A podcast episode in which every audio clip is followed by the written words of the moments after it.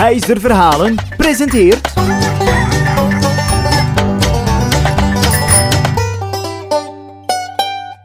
Ik vertel jullie even het verhaal van een prinses die iets vreemds meemaakte met een piepkleine ert. Luister maar. Het gebeurde heel erg lang, maar echt heel erg lang geleden toen er eens een prins was die graag een prinses wilde hebben. Alleen moet ik je er wel bij vertellen dat het een echte prinses moest zijn.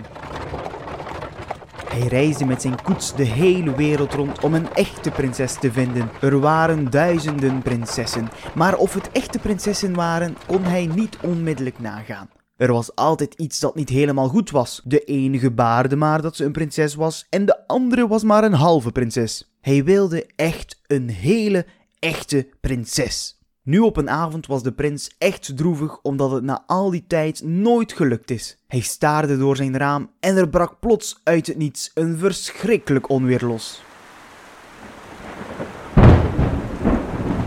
Donder, bliksem en een harde stortbij van regen.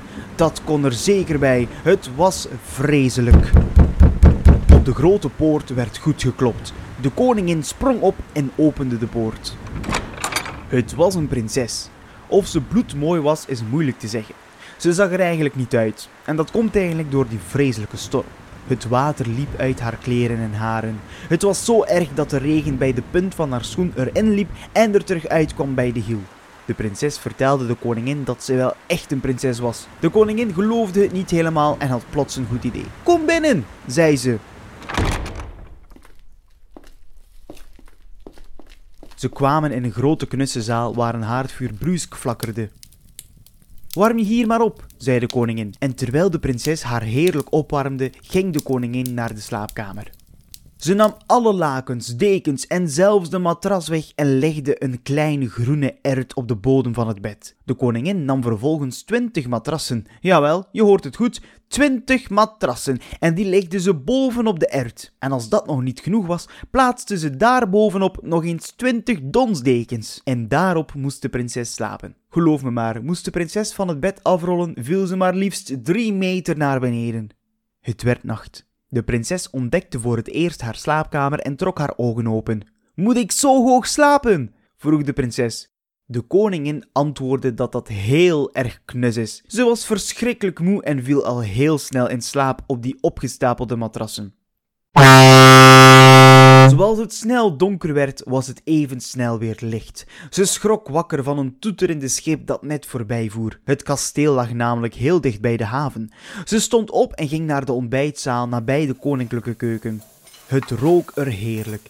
Verse eieren van de kippen uit de koninklijke tuin, torenhoge stapels pannenkoeken en vers fruit. Het was een echte droom van een eetliefhebber. Ze schoof aan tafel en ze ontmoette voor het eerst de zoon van de koningin de prins. Hij vroeg haar of ze goed geslapen had. Maar dat was niet het geval. Ze zei met de tranen in haar ogen: Ik heb de hele nacht bijna geen oog dicht gedaan. Er lag iets hards onder mij en ik ben over mijn hele lichaam bont en blauw. Het is afschuwelijk.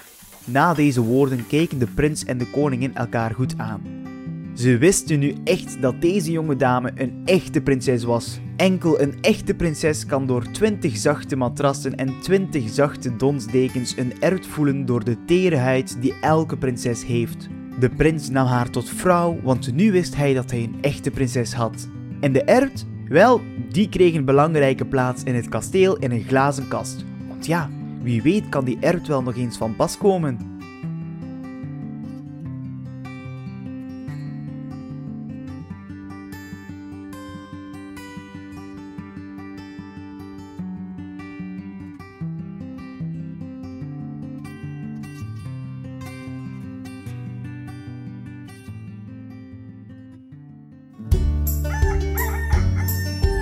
Vond jij dit een leuk verhaaltje? Volg Huizer Verhalen dan maar snel op Facebook en op Instagram.